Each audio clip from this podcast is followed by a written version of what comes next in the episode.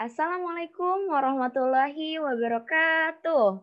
Selamat pagi, siang, sore, malam untuk kalian yang mendengarkan. Oke, pertama-tama, selamat datang di Pokis. Penasaran nggak Pokis itu apa? Penasaran dong? Jadi Pokis itu kepanjangan dari podcast bisnis. Podcast bisnis di sini itu salah satu program kerja yang diusung dari Departemen KWU Hima IEKI yang akan mengupas tentang bisnis pastinya. Nah, untuk kali ini kita mau ngobrolin tentang jadi mulai apa enggak sih? Pasti bingung gak sih? Apa sih ya? Apaan sih jadi mulai apa enggak tuh? Nah, di sini kita akan kupas tentang paradigma-paradigma dan pengalaman bisnis. Bersama gue Andini, ditemenin juga sama kawan-kawan dari KWU di sini. Udah ada Oci. Hai, Ci. Halo, Din. Sehat, Ci? Alhamdulillah sehatin. Gimana kamu? Alhamdulillah aku juga sehat nih. Alhamdulillah. Oke nih selanjutnya ada Anti. Hai. Halo Andin, gimana Andin? Gimana apa nih? Sehat? Semangat ya, sehat alhamdulillah. Semangat ya. Iya. Semangat semangat. Oke. Ini yang terakhir nih, ada yang maco sendiri nih. Ada Malik. Hai. Halo Andini. Waduh, beda ya kalau cowok suaranya. Semangat banget ya Alik. Semangat dong. Masih pagi. Masih pagi, kita take pagi nih. Oke. Seru nih kayaknya sama kalian bertiga. Kalian sekarang lagi sibuk jadi mahasiswa kan ya? Terus juga disibukin sama organisasi juga nih. Selain dari kesibukan yang tadi tuh, kalian lagi sibuk apa nih? Sok, bebas siapa aja dulu. Dari aku ya boleh. Kalau misalnya untuk Sok. sekarang sih eh, sibuk organisasi ya. Terus dibarengin juga eh, apa ya sama bisnis kecil-kecilan bisa dia bilang bukan bisnis sih. Ya masih merintis, masih nyoba untuk mulai berjualan. Kemarin eh, sempat mau apa coba jualan juga sama teman, ada partner juga kan. Emang eh, kita berdua ini pengen banget ngebangun bisnis tapi belum dapat partner kemarin. Nah, setelah kita emang berbicara gitu ya, kayak misalnya saling eh, membuka pendapat, ide gitu ya, ternyata sama gitu. Dan akhirnya kita eh, mulai bisnis kemarin sebelum puasa eh, udah mulai. Hmm, seru ya. Karena sekarang lagi Mm-mm. offline juga nggak? Eh, iya sih lagi online, maaf, maaf, maaf. Lagi online juga nggak sih kuliah? Jadi kayak gabut gitu ngapain? Nah, iya, jadi bisa ngisi waktu juga kan buat eh, sambil buka bisnis ke sambil nyari duit sendiri ya. Pagi kita di rumah ya aja eh, malu banget buat minta ke orang tua gitu. Udah mah benar, diem di rumah. Iya. Dari yang lain. Nah, kalau misalnya di aku, aku sama banget sih sama Anti. Maksudnya kan kayak manfaatin waktu luang gitu saat kuliah online. Emang bener banget gak sih selain bisnis gitu kan kalau misalnya bisnis juga kita nambah pengalaman yang utamanya itu kita apa coba dapat duit. Bener gak? Bener, bener, bener. Itu sih kayaknya tujuan utama. Jadi kan aku tuh emang mungkin udah udah otak bisnis gitu. Jadi nyari si kesibukan yang emang ngasilin duit gitu. Ya soalnya Otaknya Eh, uang sih itu. ya otaknya uang. Soalnya kan apa sih eh, siapa sih yang gak suka uang gitu. Jadi eh, ya udah manfaatin waktu luang aku itu ya buat bisnis gitu. Soalnya eh, sekalian aku explore pengalaman aku, jadi sekalian aku juga ngedapatin feedbacknya gitu. Di mana feedbacknya juga yang aku suka banget ya uang gitu. Iya, oke, oke. Jadi Setuju banget, sibuknya sekarang, jadi lagi pada, lagi jualan ya, Ci? Bisnis. Ya benar. Kalau dari gue, sekarang gue lagi sibuk eh, ngerintis bisnis pandemi. Bisnis yang dimulai pada awal pandemi kemarin. Bisnisnya tuh di bidang eh, fashion sama di bidang makanan sih. Kalau gue. Seru-seru ya, maksudnya kalian kayaknya otaknya jalan gitu lagi pandemi gini, orang-orang lagi, apalagi tadi Malik lagi makanan, kayaknya orang-orang lagi mager cari makanan. Itu makanannya bisa GoFood. makanannya bisa GoFood, tapi uh, makanan yang gue jual tuh makanan-makanan ringan gitu. Jadi Oh, bukan makanan kayak- berat. Cemilan gitu ya. Ya, jadi ya kita kan lagi pandemi kayak gini, harus ditun- dituntut untuk kreatif kan, gimana caranya Iya, bisa iya. survive di pandemi kayak gini. Boleh, Seru-seru. Lik, kirim ke Bandung, Lik. Boleh, boleh nanti uh, PA aja ya. Aku Boleh. satu Boleh kirim ke Bogor juga boleh. Siap, aman. Eh, seru ya kalian maksudnya tadi otaknya jalan juga. Terus tadi kalian lakuin kan bisnis nih. Semuanya sih bisnis jualan gitu. Awal-awal ada pemikiran tadi sih udah dibilang ya, awal-awal pemikiran buat bisnis itu apa gitu. aku kali ya, aku mau nyampein pendapat aku ya. Boleh? Ya udah sok sok sok.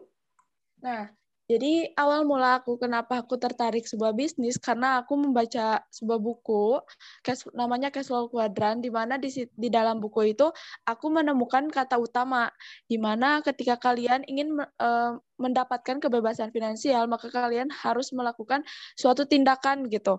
Nah, di mana di sini aku mikir nih, oh ya udah aku kalau misalnya aku berbisnis yang waktu itu aku di mana bisnis aku dari SMP sam da- SMP hingga SMK din terus ngelanjut nih kuliah gitu. Di SMP aku kelas 3 kelas 3 udah dapat uang 100.000 ribu per minggu itu lumayan banget gak sih? Maksudnya- lumayan lagi sih, maksudnya SMP Oh, kan jajannya udah- dulu kan SMP jajannya nggak terlalu mahal-mahal gitu ya. Nah, benar. Nah, dari SMP aku udah dapat 100.000 ribu per minggu. Di SMK aku lanjut, aku bareng-bareng sama temen berempat, di mana eh, berempat kan bisa dibilang, ah kalau misalnya bisnis bareng-bareng banyakan gitu, ntar untungnya dikit nih gitu-gitu.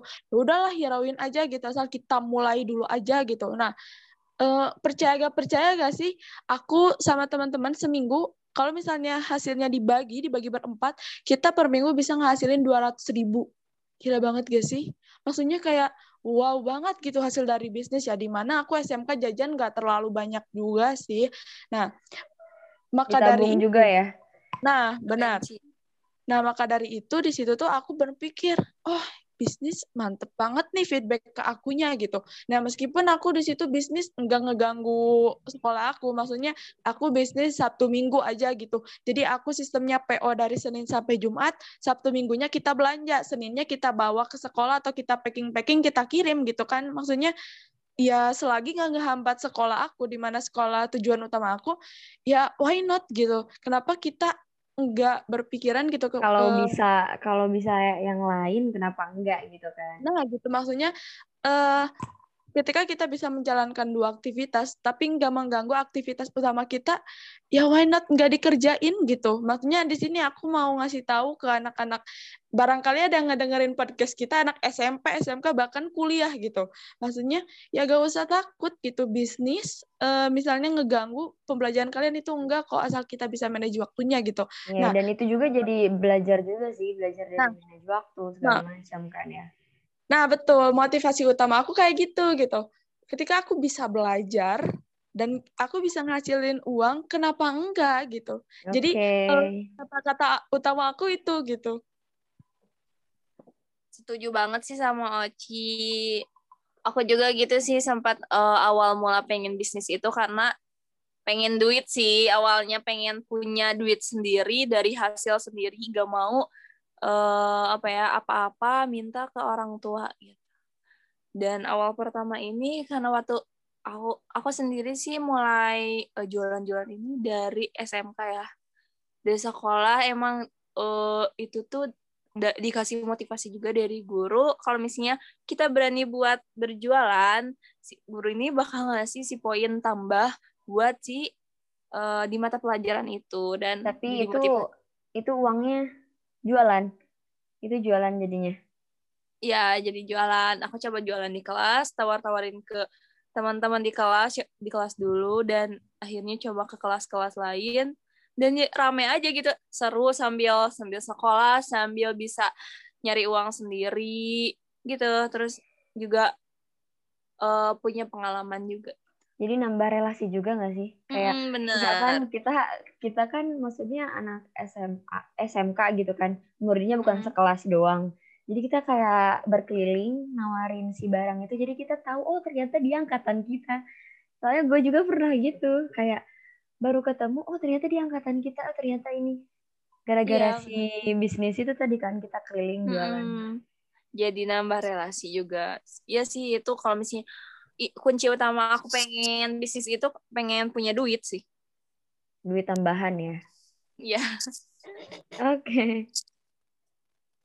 Eh tapi kalian pernah ini gak sih pernah mikir gitu kayak eh, kita tuh emang udah dididik untuk menjadi seorang wirausaha itu dari sekolah gitu karena dari kita SMP atau SMA SMA itu kan kita eh, di organisasi itu suka ada yang namanya danus tuh dana usaha Hmm. kita Hmm. dituntut iya. untuk jualan tuh nah kita jualan eh, jualin produk orang jadi seller nah kita tuh ditargetin kan sama sama ketua ketua divisi biasanya kan ketua Iya. divisi danus nah kalau misalnya kita nggak bisa ngejual beberapa produk nanti kita kena denda Jadi kayak target gitu ya. Iya benar. betul iya, Iya ditargetin sih secara lang secara tidak langsung kita tuh emang udah mulai udah lama ya. iya udah maksudnya lama banget Iya, tanpa iya, iya. kita sadar emang emang itu tuh perlu gitu buat kita So- soalnya kan emang bisnis itu udah ada di kehidupan kita sejak ya duduk di bangku SMP mungkin ya dari organisasi-organisasi itu Iya, Ya. benar benar benar benar. karena kan juga dari SMP atau SMA gitu udah ada pelajaran kewirausahaan kan untuk beberapa sekolah mungkin jadi Iya. kayak ya emang udah ada jalannya sih dari sekolah juga kayaknya Jadi lumayan ya nambah-nambah pengalaman. Buat Malik sendiri, kenapa sih dulu kayak ada pemikiran pengen buka usaha tadi? Gimana nih? Hmm. Jadi tuh kepikiran soalnya kan kayak dulu waktu belum punya usaha tuh kayak gue masih bergantung banget nih sama orang tua, terus juga eh, pengen tuh ngelihat eh pengen punya bisnis kayak teman-teman gue. Jadi awalnya tuh nggak bagus sebenarnya, pengen ikut-ikutan doang gitu. Kayak Oh iya iya. pengen usaha juga nih gue nih pengen punya penghasilan tapi saat gue udah mulai ngejalanin usahanya ternyata eh, motivasi untuk mendirikan sebuah usaha tuh nggak cukup di situ aja gitu kita harus punya motivasi untuk eh, untuk menjalankan usaha kita supaya sustain dan bisa bertahan gimana ke depannya? Nggak cuman kayak kita cuma ngedirin doang nih. Ngedirin Udah ngebuat gitu, udah itu gitu ya. iya sepi gitu kan kayak kayak apa banget gitu. Kayak sia-sia aja gitu.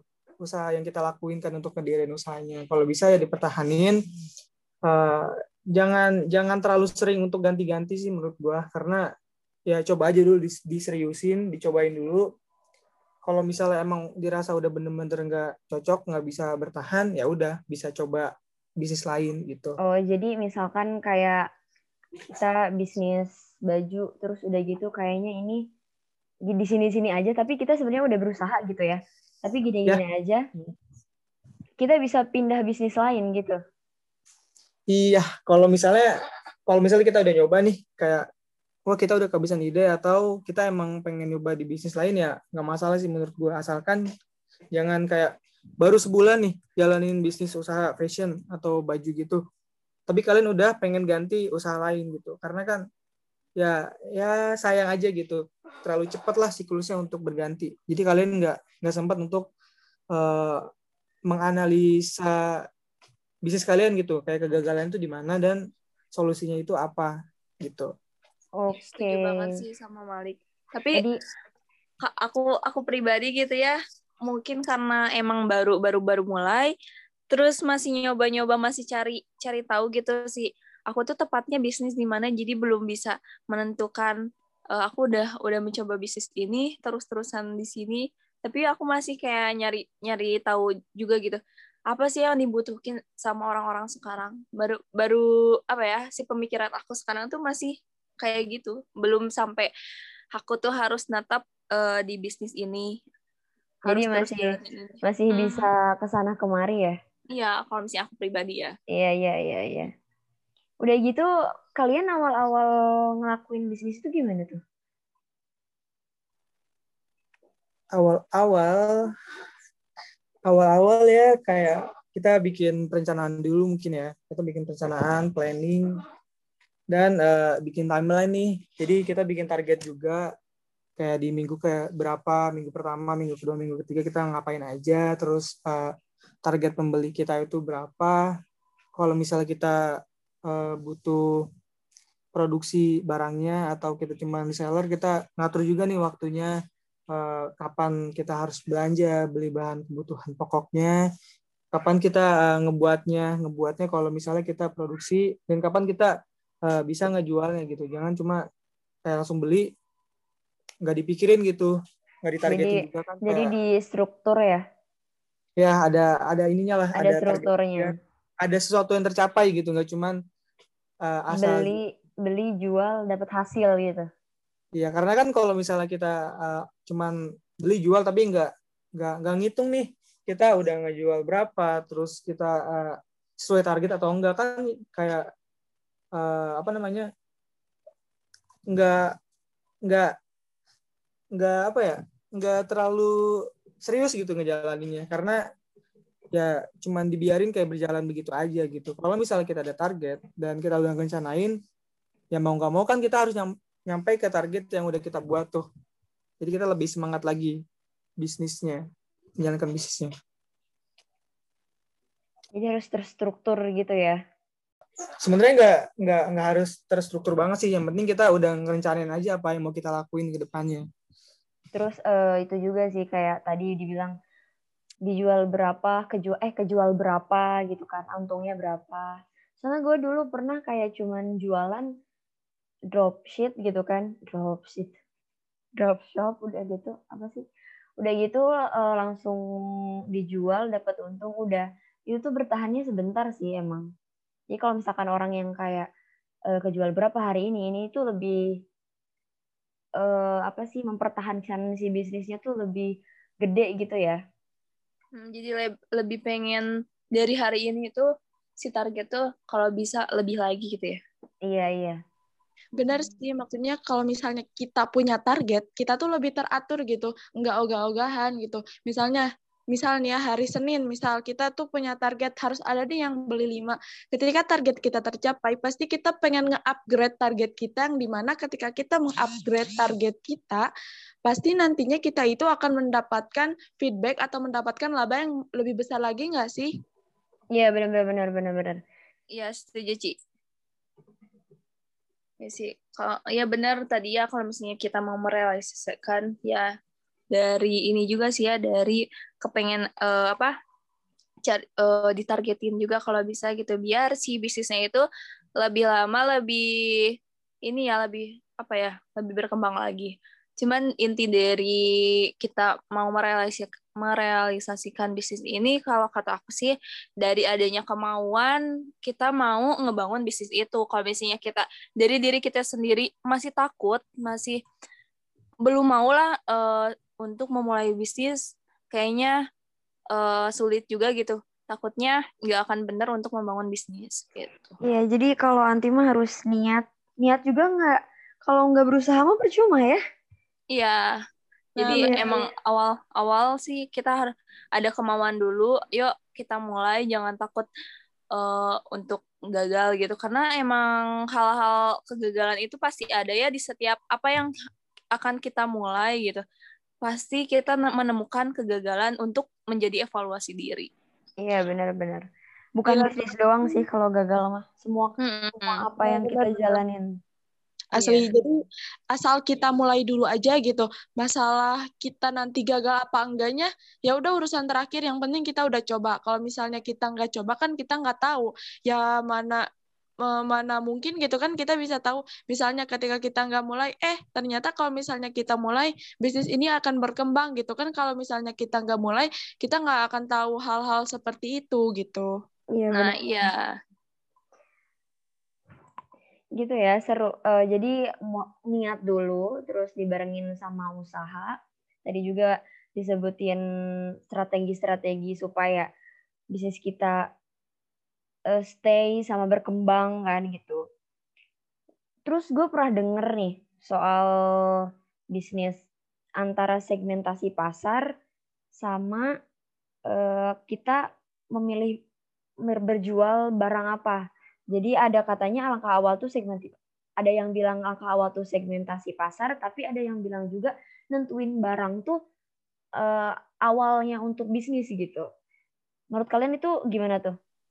Ya, uh, jadi gini kan kita tuh banyak ya banyak yang salah kaprah nih kayak kita uh, langsung aja tuh bikin produk nih baru nih kalau misalnya produk udah jadi baru kita ngejual karena mereka mikirnya setiap produk tuh pasti ada aja pasti uh, apa namanya konsumennya masing-masing kan. Padahal nggak gitu. Untuk mengantisipasi kerugian, untuk meminimalisasi kerugian, ya kita harus tentuin dulu nih segmentasi pasar kita, target pasar kita itu kita mau jual barang kita ke siapa, biar lebih jelas dan uh, nggak nggak terlalu umum gitu konteksnya. Jadi kita bisa mengkhususkan uh, target pasar itu ke mana, ke sektor apa gitu. Jadi biar uh, kayak misalnya kalau kita ngejual nih, kayak ngejual suplemen peninggi badan gitu tapi jualnya ke nenek-nenek kan kayak kayak gimana gitu kayak nggak nyambung gitu ya nggak nyambung jadinya. Ya udah bukan ya, masa persembahan lagi itu mah ya kan? ya, iya iya iya. Ya bener setuju banget sama Malik gitu ya. Yang hal pertama itu emang kita harus tahu dulu segmentasi pasar target pasarnya itu mau ke siapa gitu. Jangan sampai kita punya barang salah tujuannya gitu ya. Kayak aku juga punya pengalaman dulu ngebantu kakak juga kan jualan kayak baju bayi gitu. Terus aku salah banget nawarinnya ke teman-teman aku yang masih remaja masih sekolah gitu ya. Uh, belum tentu mereka ini membutuhkan sih barang tersebut. Uh, apa mungkin dia punya adik atau enggak kan kita nggak tahu gitu. Jadi emang sulit nyari pasarnya di situ karena kita salah uh, menentukan barangnya terlebih dahulu. Jadi kayak waktu pengalaman tuh mau jualan baju bayi eh ternyata nggak tahu jual ke siapa gitu kan nah iya karena kan uh, maksudnya di situ aku masih sekolah terus uh, lebih banyaknya itu kan teman-teman remaja ya khususnya jadi seharusnya ini aku tuh cari cari tahu dulu kan si target pasarnya berarti aku harus ke remaja dan baru hal apa atau barang apa yang bisa aku uh, apa ambil gitu peluang dari si uh, target pasar ini gitu. Nah, kalau uh, aku nih mau ng ngasih pengalaman kan kalau anti tadi pengalaman uh, salah nggak segmentasi pasar dulu. Nah, kalau aku ngasih pengalaman uh, hal yang menurut aku benar gitu. Uh, yang aku lakuin pertama, yang pertama yaitu segmentasi pasar dulu dan yang kedua baru menentukan produk. Di mana aku udah coba waktu aku di SMP aku tuh segmentasi pasar dulu teman-teman SMP aku kan rata-rata ya remaja aja gitu seumuran aku gitu nah otomatis Nah, otomatis kalau misalnya di umuran di umuran remaja itu kayak butuhnya tuh kayak fashion-fashion yang emang lucu-lucu nggak sih? Maksudnya kayak ih lagi butuh outfit yang keren nggak? Nah, gitu. Nah, aku udah uh, cari-cari segmentasi pasarnya terus aku tuh uh, cari-cari gambar-gambar gitu. Maksudnya cari-cari katalog yang katalog, mana nih yang emang keren gitu kan. Nah, sesudah itu aku bikin grup tuh, bikin grup anak-anak SMP semuanya aku masukin ke situ. Nah, terus aku bilang e, aku open PO ya yang tahu bisnis gitu. Pokoknya yang merintis bisnis kecil-kecilan pasti tahulah sistem PO tuh kayak gimana iya, gitu yeah, ya. Yeah. Jadi ya, mesen ya. dulu gitu kan? Ya benar. Aku lagi PO nih, aku bilang gitu kan. Terus uh, aku uh, masuk-masukin nih semuanya foto dan alhamdulillah kan maksudnya uh, mereka itu pada tertarik ya. Menurut aku itu hal yang paling benar gitu. Nah, bayangin aja kalau misalnya aku waktu itu nggak segmentasi pasar dulu, tiba-tiba aku langsung jualan kayak. Sepatu gitu. Maksudnya kan sepatu nggak nggak dibutuhin butuhin banget gitu sama anak-anak SMP. Soalnya waktu SMP menurut aku kita lebih ngelihat ke baju ke fashion gitu daripada sepatu gitu.